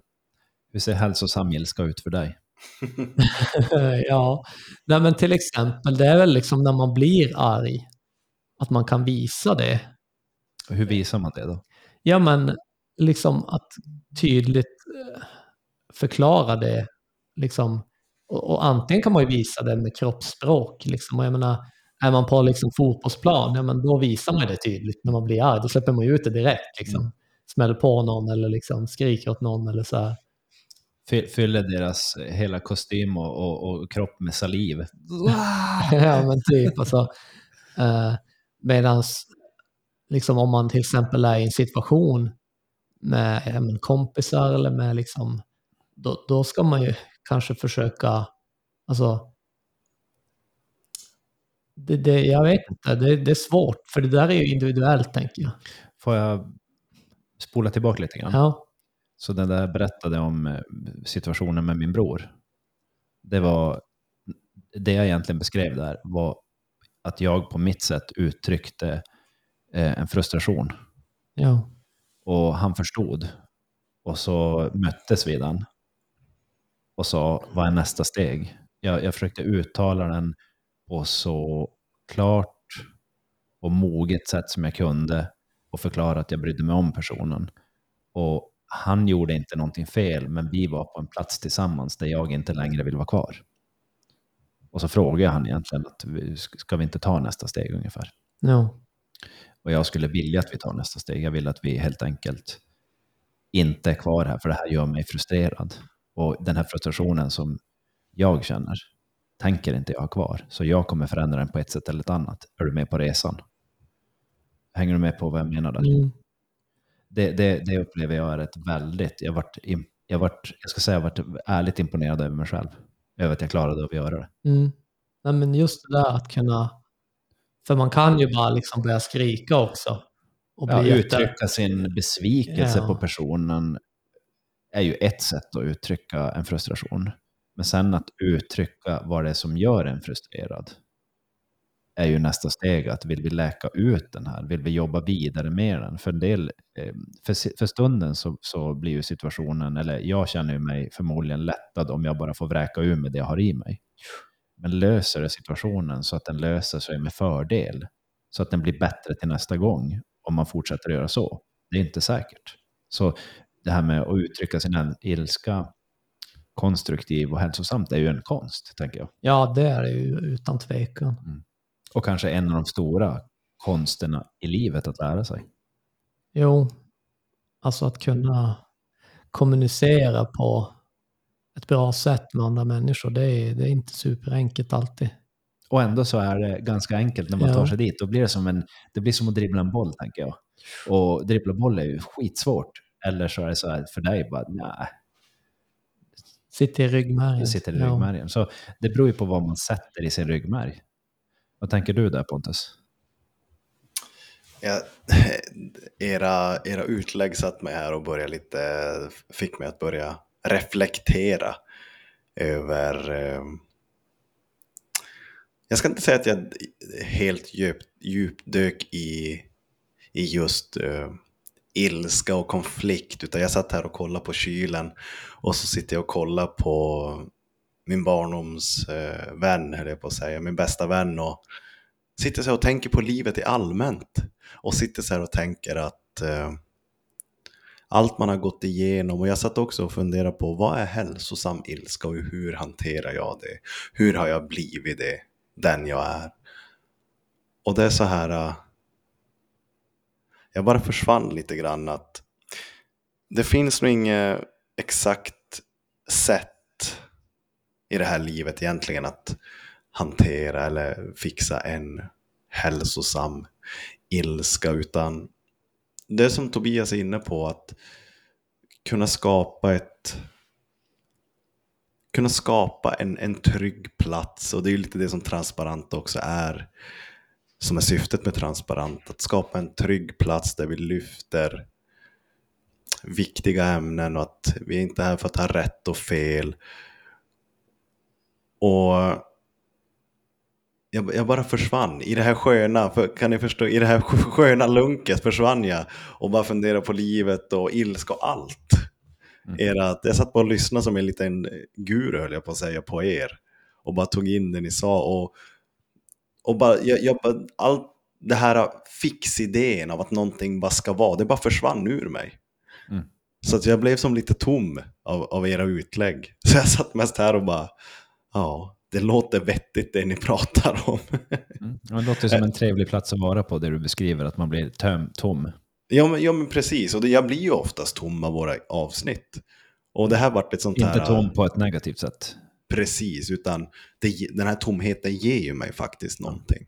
Det, det där som du nämner nu, en, en, eh, en paus från allting. Jag behöver inte mm. tänka, jag kan känna klarare. Jag får en paus från, från mitt eget eh, kanske maniska, eh, kontinu kontinuerliga tankeström som hela tiden ska tänka och bryta ner, tänka och hantera problem. När den där får ta en paus, har ni varit med om det någon gång? Att den mm. ibland är helt frånvarande. När du har tagit en bra våg. Känner du igen det? Mm. Ja, det är... Då är det som att, jag vet inte var man är efter en sån. Nej. Men det är liksom, ja. Den känslan är härlig. Mm. Så då, då är som... Eh, det finns inte ord att beskriva och man behöver inte ens ord att beskriva. Så man kan va, bara vara för en stund. Mm. Och den, den tomheten som man kan uppleva vid det tillfället är en väldigt unik... Det är som att man kan vila och få energi där. Man behöver inte göra någonting. Exakt, exakt. Ja, det blir nästan jobbigt att prata då istället. Ja, man behöver inte. Nej. Nej. Och jag, vet, jag har lätt att komma till det. Men det är förmodligen för att jag är på en trygg plats. Har du, vad sa du, har du lätt att komma dit? Ja, men alltså, som liksom, för lyssnarna kanske era, när ni satt och pratade, så kanske mm. det lät som att, ja men, det kanske inte var så mycket, de pratar ju bara. Men för mig så blir det som att Mm. Jag bearbetar det som sägs. Förstår du vad jag menar? Jag har ganska lätt att mm. ramla in där i det där tomrummet. Tanken är väl med de här, eh, den här podcasten som vi gör på det här sättet att vi ska kunna komma i perioder till den där eh, platsen för att bearbeta på ett sånt sätt. Mm, ja, verkligen. Eh, delvis, ska jag kunna säga. Mm. Och är man inte där, är inte varje person där, så betyder det inte att det vi har misslyckats eller de har misslyckats, utan det är bara att ta det lugnt. Man finner någon form av frid av att lyssna på. Eh, det ger en någonting att lyssna på det här. Och jag tycker också att det, det är Sven-Sven, nu kallar jag honom Sven-Sven för Tobbe säger Sven-Sven. Men alltså jag, jag är så glad för Svens skull.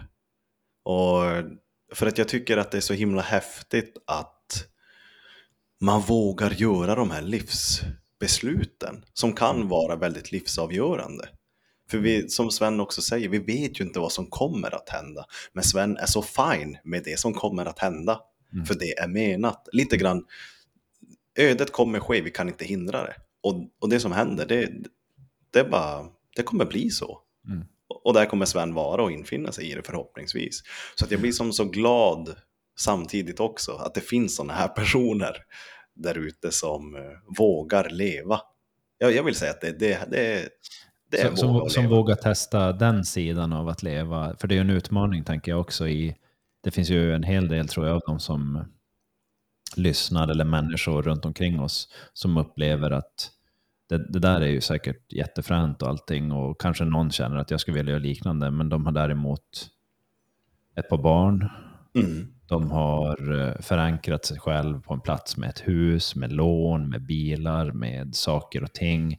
Och så kanske man inte känner sig trygg. Eh, Rent, rent, rent praktiskt så är det svårt att utföra en sån sak som nu för Sven är Mm. nog svårt att göra.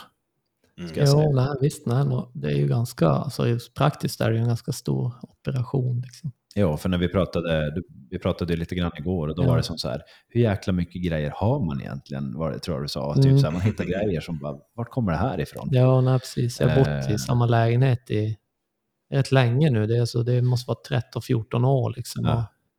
Hittar, Ja. hittar du dammråttor eller lik i garderoben? Nej, men inte lik, men liksom om man tänker så här, typ elektronikprodukter som liksom, vad är det här för någonting? Fanns det ens en mobil som såg ut så här? Hitta i någon garderobslåda där, liksom, att vad fan är det här? Liksom. Ja. Så du tömmer lägenheten då? jo precis. In, ja, in, I princip helt, för att han som ska hyra den, han ville, han ville ha sina egna grejer, utom några saker, några möbler sådär. Mm. Så jag sa, men det är helt lugnt, liksom. jag, jag tömmer ur mina grejer så får du sätta in egna köksgrejer och allt, inredning, allting. Och Men då hyrde liten- du ut lägenheten hur länge? Ett och ett halvt år har vi till att börja med då. Wow, okej. Så att det är lite sådär, jag tänkte att nu, nu drar jag liksom full out här. Mm. Så att ja, när jag kommer hem från Costa Rica då, ja, planen är ju att åka och surfa lite i Indonesien, kanske lite Sri Lanka också sen. Mm. Till Men då våren. har, du, men- då har du också varit i, eh, ska jag säga, då har du, du har sparat på en budget nu. Jo, alltså så är det ju. Att, att jag har ju sparat ihop lite pengar. Eh, jag har inte liksom räknat på hur mycket det kommer att kosta och sådär, men, men ja, jag känner mig ganska trygg med att, att jag ska väl inte behöva liksom dra iväg till någon halv miljon eller något sånt där, utan eh, 200-300 tusen är väl max det som jag tänker. Och då, då får man nog slösa ganska mycket om man ska göra av med det på åtta månader. Du känns inte som den mest slösaktiga personen jag Nej, alltså så är det. Att, att det är klart att jag har kunnat spara just för att jag är ganska... Slö, slänger inte bort pengar på onödiga saker. Mm. Mm. Så, nej men så är det. Jag kommer ihåg en, många av mina vänner när, när jag var yngre eh, fråg, kunde fråga, eller bekanta ska jag säga, kunde fråga hur jag hade möjlighet att resa på det sättet jag gjort, för jag har rest jättemycket. Och då, då sa jag som åt dem, eller berättade åt dem att men, alltså det som är grejen är att jag dricker ingen alkohol. Jag, jag dricker alkohol idag, men jag går aldrig ut och festar. Jag kan dricka en öl och sådär. Eh, men jag festar aldrig. Och de bara, festar aldrig? Jag bara, men har ni räknat på vad det kostar? För ni går ut varje helg, typ två dagar. Och kanske en del går ut tre dagar när, man var, när de var som unga vuxna. Och vad kostar det att gå ut? Alltså det, det, det är stora pengar, det är jättemycket. Men just den där festen tänker man inte på, så lägger man den bak i sig och så lägger man den bak i sig. Men plötsligt så är det 50-60 tusen kronor på ett år, hade de lagt ut. Och de där 50-60 tusen, då, jag kommer ihåg att jag, när vi en sommar, så när polarna, eller bekanta drog ut och festade, då drog jag ut och tog på mig joggingskorna. Och så sprang jag från Björksgatan där jag bodde genom stan. Och jag kommer ihåg att, eh, och jag gjorde det inte som en, en för att vara sådär, utan jag gjorde det för att jag, bara, jag ville bara se vad de gjorde. Så jag, spr- jag kom springande en sommar så här, och så satt några polare vid någon uteservering och så bara, och haken och deras bara föll ner så här, för det var typ 11 på kvällen och jag sprang och tjena hur är läget? Bara, kan jag få ett glas vatten? De bara, vad håller du på med? Jag bara, nej men alltså jag är på väg till Indonesien om ett tag. Jag, jag måste ju som ha bra fysik. Och de bara, jag blir fan irriterad när jag ser det, men glad samtidigt. Det är, som, det är så annorlunda. Jag som, men, och allt det där annorlunda sättet att se på saker och ting gjorde så att jag kunde spara hela tiden lite pengar, eller snarare inte göra av med pengar. Hur, hur har du sett på sådana här saker? För att, hur, vad har du för strategi för att spara ihop pengar? Och ändå ha ett drägligt liv? Ja, nej men precis. Nej men jag... Alltså... dels så har jag väl haft möjligheten att, att kunna tjäna hyfsat bra. Det är ju alltid relativt, men, men med mitt jobb och sådär så, så, så finns det ju ofta möjlighet att jobba mer. Du har en dräglig lön och Ja. du har möjlighet att jobba över tid. Ja, och jag har möjlighet att kanske ta på mig mer ansvar, då får jag mer betalt Mm. och sådär. Och vi har ju ackord också, det är ju en prestationslön. Mm. Så att vi, vi har ju möjlighet att tjäna, tjäna ganska bra betalt. Så det är ju ett sätt. Men ett annat sätt är mer att, som jag har tillämpat mer nu senare åren, det var det så här, ja men den där såg ju intressant ut, det där vill jag ha. Och sen när jag har kommit på mig själv med att jag vill ha någonting, eller vill köpa någonting eller vill göra någonting, så har jag mer tänkt så här, ja men på vilket sätt skulle det där kunna göra så att jag mår bättre, eller mår jag bättre av det där? Vill jag verkligen ha det? Ja. Och många gånger har jag kommit på mig själv med att nej, men nej det, det gör du inte. Så, och, och det har väl också blivit ett sätt när jag har lärt mig mer om ja, men till exempel kost och sådana här grejer. Liksom, vad, är det, vad handlar jag för någonting när jag går till affären? Mm. Eh, och, och, och, det, och det blir ju mycket pengar. Det är, men jag har ju tjatat på, på de här killarna i laget till exempel som kommer med en Nocco till träningen. Liksom, som de har köpt på typ bensinmacken. Kostade det 35 spänn eller Mm. någonting. Ja, men det är ju en sån per dag liksom. Ja, gånger sju då. Ja, det är ju 250 spänn och sen Mm. Och det är varje bara- månad. Det, det, det, det, det är där man börjar, det minsta. Ja, Vad gör det- de sen vidare? Ja, exakt. Ja, det så då har du en tusing på Nocco där kanske i månaden liksom. Och, ja, det blir mycket pengar och särskilt om du då kanske det, är 12, det, är sparar. 12, det är 12 000 per år bara där. Ja, särskilt om du istället skulle investera de pengarna eller spara dem bara på ett sparkonto. Du får ju nästan 4% nu. Så att det, det, det blir liksom sådana saker försöker jag tänka på. Men jag skulle väl aldrig... Ja, jag skulle väl säga med min kunskap som jag har nu så inser jag ju att okej, ja, jag hade kunnat spara ihop mycket, mycket mer Mm. om jag hade haft lite samma kunskaper när man var yngre. Mm. Men det är ju så det är, liksom. det är inget livet man lär sig. Mm. Utvecklas. Eh, vi hade ju, när vi pratades vid igår så, så Frågar du så här, ska jag förbereda mig på något sätt? Eller vad, vad, vad är tanken? Så här, behöver jag något? Så nej, du behöver bara komma som du är. Kom som du är och, och, och, och, och gör det du kan. Eh, det finns ett uttryck som jag gillar, som jag har skrivit på min hemsida. Det är, um, jag tror det är Arthur Ashe, nej, på min, på min mail skriver den där. Uh, gör det du kan, använd, uh, kom som du är, använd det du har och gör det du kan. Ja. Och eh, det där uttrycket tycker jag är jättekraftfullt på det sättet att tittar man på det lite djupare så är det som det som finns till hands. Jag kan säga vad du har. Ja, Start where you are. Ja. Use what you have. ja, Do what you can. ja precis. Ja. Mm. Och ehm, eh, det där är som ett meddelande jag skickar med till alla som jag skickat mejl. Ja. Eh, och när vi pratade igår så var tanken från min sida var att i och med att du, du är mitt i livet och du är ju typ, för, på ett sätt så är du ju en, en, en traditionell Svensson. Ja, absolut. När man ja. bara tittar på ja. så här utifrån, som om du skulle komma och köra i dina elkläder och, och är på ett jobb, så är det så här. Men någonstans så är du helt annorlunda, du är unik på något sätt. Och den, den personen jag har fått lära känna är väldigt unik på det sättet han reflekterar och, och det du gör nu, den här lilla pilgrimsresan då. Eller lilla, stora, det får vi se. Men, Ja, men den, se. och en idé som, som, som, som jag har haft är ju att få ta det här mötet med dig idag. Och sen om till exempel sex månader när du är hemma under sommaren. Få kanske ta en, en möjlighet att podda med dig igen och se vad har hänt nu för Sven? Sven vad, vad, vad har hänt i Sven Svens liv? Precis. Hur, hur, vad tycker du om den idén Pontus? Det låter superbra för jag tror att det kommer att hända en del. Ja. Tror jag. In, alltså inombords och det är det som jag Mm. tycker är väldigt intressant. Mm. Så ja, jag, jag, jag är ju inte som ni. Eh, Jag, ni. Ni får säga att ni har surfat jättehöga vågor. eh, Men jag kommer jag bryr mig inte så mycket om just det, utan jag bryr mig om den här insidan. Nej, det är väl det jag bryr mig om också. Vem som surfar st störst vågor längs vågor är inte det som, som på något sätt avgör en människas värde i livet och, se, och att de har tagit sig längst eh, på något sätt. Nej. Utan eh, det kan vara den personen som, har suttit, som sitter i rullstol som har den kraftigaste livshistorien. Mm. Ehm, det kan vara den som har ett kraftigt funktionshinder. Det, kan, det kan vara den som aldrig syns, men som har, väldigt, eh, har gått igenom mycket saker eller har hälsosamma eller tunga saker och, och, som de har tagit sig igenom helt enkelt. Sen kanske jag bara säger sådär för att jag är kass på att surfa och bara har slagit ihjäl mig när jag surfar. Så jag kanske säger det av ren avundsjuka. Jag bryr mig inte om era vågor. Mm. Ja, vi får se hur det går. Det var ju faktiskt... Det är nog fem år sedan sist nu. Jag har inte surfat på fem år.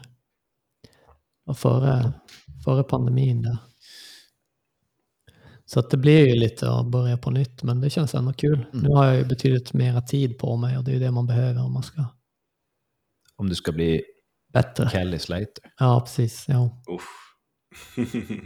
Det, det är roligt att se när han surfar. Det ser ju så enkelt ut, men Ja. när man själv har provat på så förstår man ju hur sjukt svårt det där är han gör. Han, är, ja, han med många fler är väldigt, väldigt duktiga. Vad hette de där bröderna? Andy Irons och Bruce Irons, tänker du på dem? ja, Iron- Andy ja, Irons precis. dog ju för tio år sedan ungefär. Ja. Ja. Och det där är en intressant eh, sak när man, om vi bara lyfter upp hans namn. Nu är ju Andy Irons kanske för de flesta svenskar eh, ett väldigt eh, okänt namn, men han var en av de absolut största vågsurfarna som fanns på den tiden.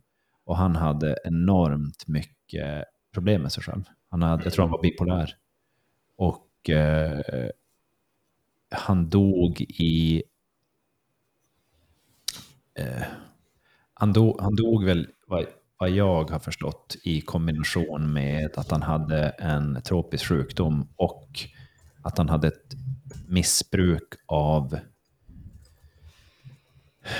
smärtmediciner. Eh, och, och ett beteende runt omkring sådana saker som eh, gjorde att han använde dem väldigt frekvent. Och jag tror han tog överdos i kombination Ja, med en sjukdom. Died from cardiac arrest due to a severe block blockage of a main artery of the heart. Ja. Um, så om man, det finns en dokumentär om honom, om hur han levde och så vidare. Och han, han levde ett ganska tufft liv. Och um, han hade väldigt mycket mörka sidor i sitt liv.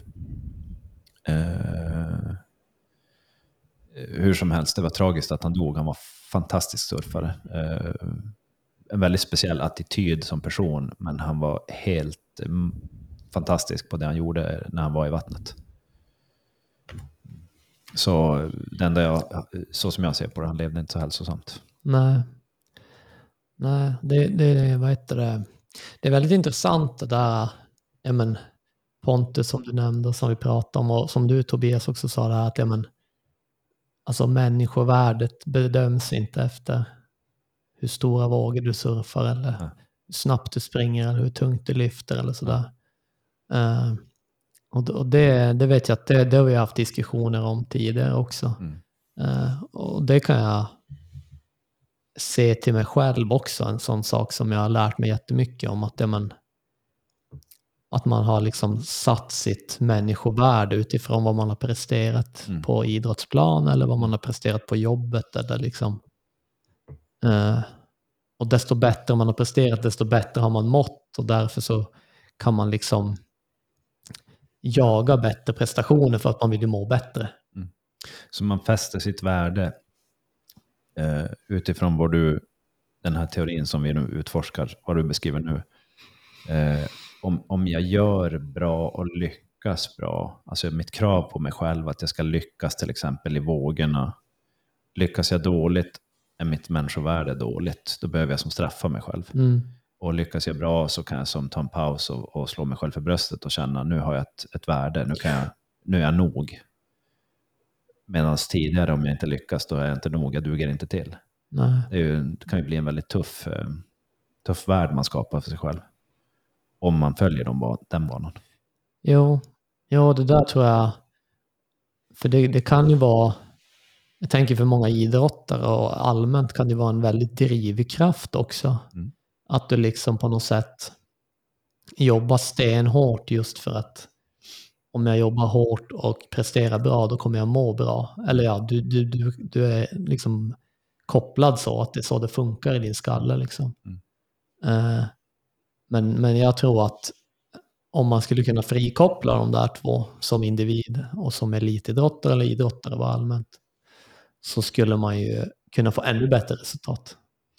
Ja, det händer någonting när man gör det. Och det, jag har ju mycket sådana samtal med ja, allt ifrån ungdomar till, till fullt vuxna och även människor i pensionsåldern som inte riktigt har fått ta den, det samtalet. Och bara förra veckan så hade jag in en kille som var, han hade fått diffusa problem, eh, hade fått yrsel och lite sådana saker som, som var, de kunde inte hitta något fel på honom rent fysiologiskt. Nej. Och så när vi, när vi möttes, hans föräldrar ringde in och frågade om de kunde boka in honom och att han kunde komma så kunde vi kolla igenom kroppen och bara se hur han mådde. Och så när vi sitter ner och pratar så visar det sig att han, han har väldigt, väldigt, väldigt mycket press på sig själv. Och hans föräldrar har sagt att vi har försökt, vi har försökt säga åt honom att man behöver inte ha den. Men han behövde få någon extern person att prata med på ett annorlunda sätt. Och så frågade han bara så här, men hur, eh, för han sa att han sov dåligt. Och så frågade jag honom att, uh, hur mycket saker han gjorde och hur, hur mycket han, han kände att han behövde vara bra på allting. Och då sa han, nej men jag, jag har ju som en idé att jag, jag, jag måste som hela tiden vara bra på alla de här sakerna, för annars så blir folk besvikna på mig. Och då är det som så här, men är du, får jag fråga, var, hur vet du att det är sant det där du sa? Och då när vi som tittar på det så, då sa han så här, nej men det vet jag ju inte. Ja, men om man säger så, om vi ska vända på det så spelar det ingen roll. Så om du gör det bästa du kan så att du får må bra istället. Att du sänker prestationskraven. Hur ska det kännas då? Och sen så, fan vad skönt det skulle kännas. Och då bara, men testa göra det för stunden då. Och så säger han så här bara, det är sånt här jag behöver få, det är sånt här jag behöver få höra och förstå nu. Mm. Och det är så här, men vad intressant. Ehm, så för stunden bara sänk prestationskraven. För har du för höga prestationskrav när du känner dig utmattad, om vi leker med tanken bara ett sånt ord, utmattad, och så har du problem att sova, då kanske sömnen blir så påverkad så att du faller läka kroppen. Och då är ju prestationskraven rent per definition negativa. Men, men får man till det och man orkar med de prestationskraven, då kan de ju vara positiva. Så det där är också en sån sak som man behöver jonglera med fram och tillbaka ibland. Tänker jag. Jo, nej men det... Ja, det, det där är, det är jätteintressant. Det där är väl en, en, en del av konsten i livet. Definitivt. Helt klart. Hur känns det att ha suttit här i en och en halv timme och eh, snacka skit? ja, men det känns bra. Det känns bra.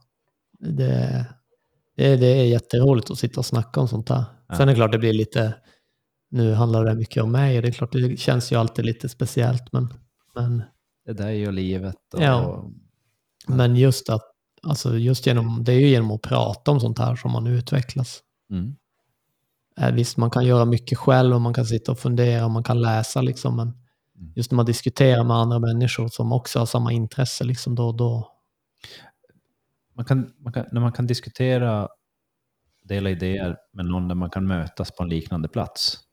Så man kan lyfta vad som helst, men inte behöva, hur ska jag säga, det behöver inte finnas någon skam kopplad till att jag kan lyfta precis det jag, det jag går igenom utan att någon kommer kritisera mig, utan vi kommer titta på det. Det är en intressant plats att mötas på. verkligen. Ingen skam, ingen rädsla, utan bara ett nyfiket utforskande. Det är den platsen vi försöker vara på när vi, när vi är i den här miljön. Och egentligen i hela mitt yrke så är det samma sak. Men här är det så lite unikt. Tänker jag. Mm. Det är det verkligen. Blev det som du hade tänkt dig, Sven? Att sitta här? Jo, men det, det tycker jag nog. Jag hade nog tänkt mig ungefär så här. Jag har ju lyssnat på podden också så att jag, jag var, visste ju att det var väldigt avslappnat och så. Vad är din reflektion på när du har lyssnat? För du har ju lyssnat på de flesta av avsnitten va? Jo, jo det tror jag. Vad upplever du? Jag, jag vet inte om jag riktigt har ställt den frågan. Nej, nej, men jag tror inte vi har, har frågat det. Hur kan jag ha missat det? Ja, precis. Nej, men det är liksom, det är lite som, eh, eh, som Pontus nämnde, att man sitter som och ja, funderar och lyssnar liksom. Vissa saker, och ibland, jag lyssnade lite grann på något avsnitt igår. Eh, och då var det som så att, ah, vänta, nu måste jag spola tillbaka. Nu var jag inte riktigt med och lyssnade liksom. Så spola tillbaka och lyssna lite. Och så kommer det någon sån där grej. Det är ofta specifika grejer som jag hänger upp mig på. Att, ja men just det, det där var ju svinbra. Eller det där var ju någonting som jag kan ta med mig. Eh, så ja, jag, jag uppskattar den mycket. Just för att det är det är inte så framtvingat liksom. Mm. För annars kan det ju vara så att man har en agenda, att nu ska vi först prata om det här och sen pratar vi om det här och sen tar vi det och så vidare. Mm. Men här, här kommer liksom lite grann det som kommer med. Mm. Eh, och då, då blir det liksom på något sätt att, ja, då går det ju oändligt många avsnitt också. Mm. Vi får aldrig sluta med podden. För det kommer aldrig till slut ämnen. Nej, men det är det som är intressant. Eh, Vi fick ju något äh, mejl här för ett tag sedan också från någon person som bara skrev att det du säger egentligen, att det får en att reflektera och det ger mycket. Eh, och så tror jag han skrev, det var en man som skrev, eh, Mm. ni har mycket kvar att ge så sluta helst inte. Det, det finns mycket kvar av det ni håller på med. Men det är Så- väl det vi får höra, att det hjälper och sluta inte. Det är kul. Ja, Det roligt. verkligen. Så det, jo. Så det blir kul att se om detta avsnitt har eh, hjälpt någon på något sätt. Ja, Det är verkligen. kanske är någon som hänger med dig till Costa Rica plötsligt. Sitter i stals, stolsraden, stolsraden bak på flyget. Är du som är svensk? Men Sven, har du någonting att säga åt dem som kanske går i samma livsöden som du går i, i de fotspåren, att man kanske känner att man vill bryta, bryta sig lös men kanske inte vågar göra det? Testa någonting nytt. Jag tror eh, tipset är nog, ja, ett tips skulle kunna vara, men gör det bara. Men det, är- det är lite att förenkla det. För att, att man ska komma till den insikten att, att, att nu gör jag det bara. Då, då tror jag man, som i mitt fall i alla fall, att börja titta på det på ett sätt att, men, liksom, vad, vad kan jag göra? Om du sätter dig ner liksom, och så tänker du så här, men vad skulle jag kunna göra med mitt liv? Och så blir det liksom, du är helt, helt öppen. Och så, så här, bara tänk på vad som helst, vad skulle jag kunna göra? Ja, men jag skulle kunna flytta till dit, jag skulle kunna flytta till där, jag skulle kunna sälja mitt hus, jag skulle kunna säga upp mitt hyreskontrakt. Jag skulle kunna, alltså, om du bryter ner det så, då på något sätt, då inser man att ja, men det här var inte så, alltså, det är ju gör- ingen det fara det här. Det går. Ja, allt det, det går. Så Mm. att, och, och det är ju, det vet jag ju även, ja, men, sådana som har familj som byter yrke till exempel och bara, ja, men nu ska jag göra det här, jag vill läsa det här. Liksom. Det, det är ju sjukt imponerande. Liksom. Det finns ju till och med de som har varit så pass, vad ska man säga, icke-transparent. Så att i senare delen av sitt liv så kommer de ut som att de egentligen är sexuell på den andra sidan. Eh, men har inte riktigt känt sig, hur ska jag säga, man ska, inte riktigt känt att de har förmått att meddela det till vänner, familj och så vidare. Så det kan ju vara vad som helst. Nu, nu säger jag inte att man ska gå över till andra sidan, vart man nu står på, i sin sexualitet. Det var inte det jag menar. Men vi kan gå och, och mörka en massa saker om oss själv. Som det är inte säkert att vi behöver mörka dem. Nej, nej, jag tror att, att det är bättre att vara öppen. Det, däremot kanske det inte är så lätt alltid, men det, det kommer att leda till någonting väldigt bra. Mm. Det, det är jag helt övertygad om. Mm. En sak som jag har eh, haft en personligen som är lik, liknande, jag har gjort den, här resan som du har gjort några, ett par gånger faktiskt. Ehm, men det jag har fortfarande kvar eh, som en lite grann av en vision och en dröm. Oklart om det kommer ske. Men jag skulle vilja pausa allting och få och bo på ett typ ett, eh, ett kloster eller ett tempel eller någonting och, och leva som en munk. Och jag är fullt allvarlig när jag säger det. Mm. Jag skulle vilja göra det i typ ett halvår minst. Kanske ett år. Det, det är lite roligt att du säger det för att eh, sist som jag var i Costa Rica då bodde jag i samma hus som den här eh, killen Björn, vad heter han, Natthiko Ja. Lindblad eller något sånt där. Just det. Oj, jäklar. Ja. Och, och det var ju liksom, jag hade ju ingen koll på vem det var, jag hade ju absolut ingen aning. Eh, men det var ju superhäftigt alltså. På vilket sätt var det häftigt? Ja men, jag vet inte hur man ska beskriva det liksom, men när du träffar en person som har någonting som är så speciellt med dem, men du kan inte sätta fingret på vad det är. Det är liksom en energi runt den personen som är och, och liksom, ja, nej, helt, helt fantastisk person. Uh, och, och då vill inte jag heller, jag vill inte vara för liksom på. Det var ju väldigt många som, och han var ju väldigt eh, öppen och han kunde berätta och sådär, men samtidigt så var jag lite på den tiden, då var inte jag så öppen som jag är nu, så jag vill inte liksom börja prata och trycka på. Jag tyckte som att ja, men om jag börjar tränga mig på och fråga för mycket kanske han tycker det är jobbigt och du vet sådär, man var som rädd för det. Så. Men, men jättehäftig person alltså. Får jag fråga eh, en fråga om det då? Mm.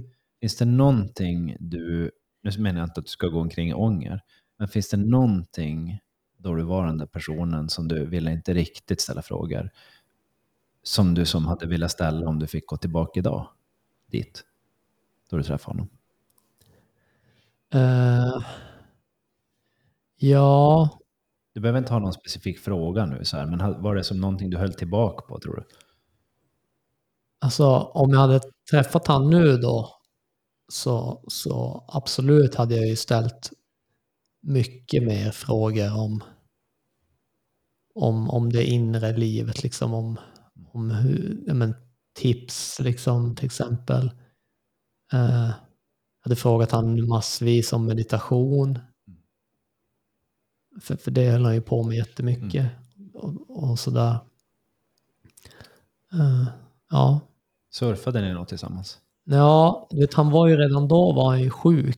Så han Ja. kunde som inte surfa. Däremot så, så var han ju ute och fick känna på den här känslan. Han låg på brädan och liksom men, prickade vågor och fick hjälp Ja. liksom surfa sådär liggande. Så det är ju, det är ju hur häftigt som helst bara det. Liksom. Ja, ja. Så han var ju helt lyrisk över det Mm. liksom, och tyckte som att ja, men shit att jag fick uppleva det här och liksom, vilken tacksamhet han hade. Det var ju enormt häftig person. Mm. Mm. Verkligen. Så du har träffat skog, var det skogsmunken han kallades för? Mm. Jag vet, Ja. du, har, ju- du har ju nyss läst hans bok. Ja, Om du läste den när du var i Indonesien. jag, jag hade med mig den, men jag läste den faktiskt inte. Jaha. Ja, nej, men, nej, men det, det var häftigt. Eh, så vi får se vem man springer på den här gången. Mm. vet man aldrig. Tänk om du springer på den igen. In spirit, kanske. Exakt. Ja. Nej, men som sagt, eh, tack för idag. Jag tänker att vi ska avrunda. Mm. Hur, hur känns det att ha gjort det nu? ja, men det känns jättebra. Eh, skoj. Sitta och surra, liksom förutsättningslöst. Mm. Så det, det gör jag gärna om. Om, om eh, ungefär, eh, ja vi tar det någon gång när du är tillbaka, när du har varit lite, när du har påbörjat den här pilgrimsvandringen så som jag vill se på det. Ja, precis. Eh, hur känns det för dig Pontus? Ja, jag är supertacksam att vi får ha gäster här i, vår, Ja. i Transparent. Så Ja. Det är bara roligt när det, Ja. när det dyker upp människor på, som är på de här spåren i livet. Mm. Så tack. Tackar, tackar. Och då på återseende. Mm. Ja. Tack själv. Toppen. Sköt om er. Hej då. Hej då. Hej.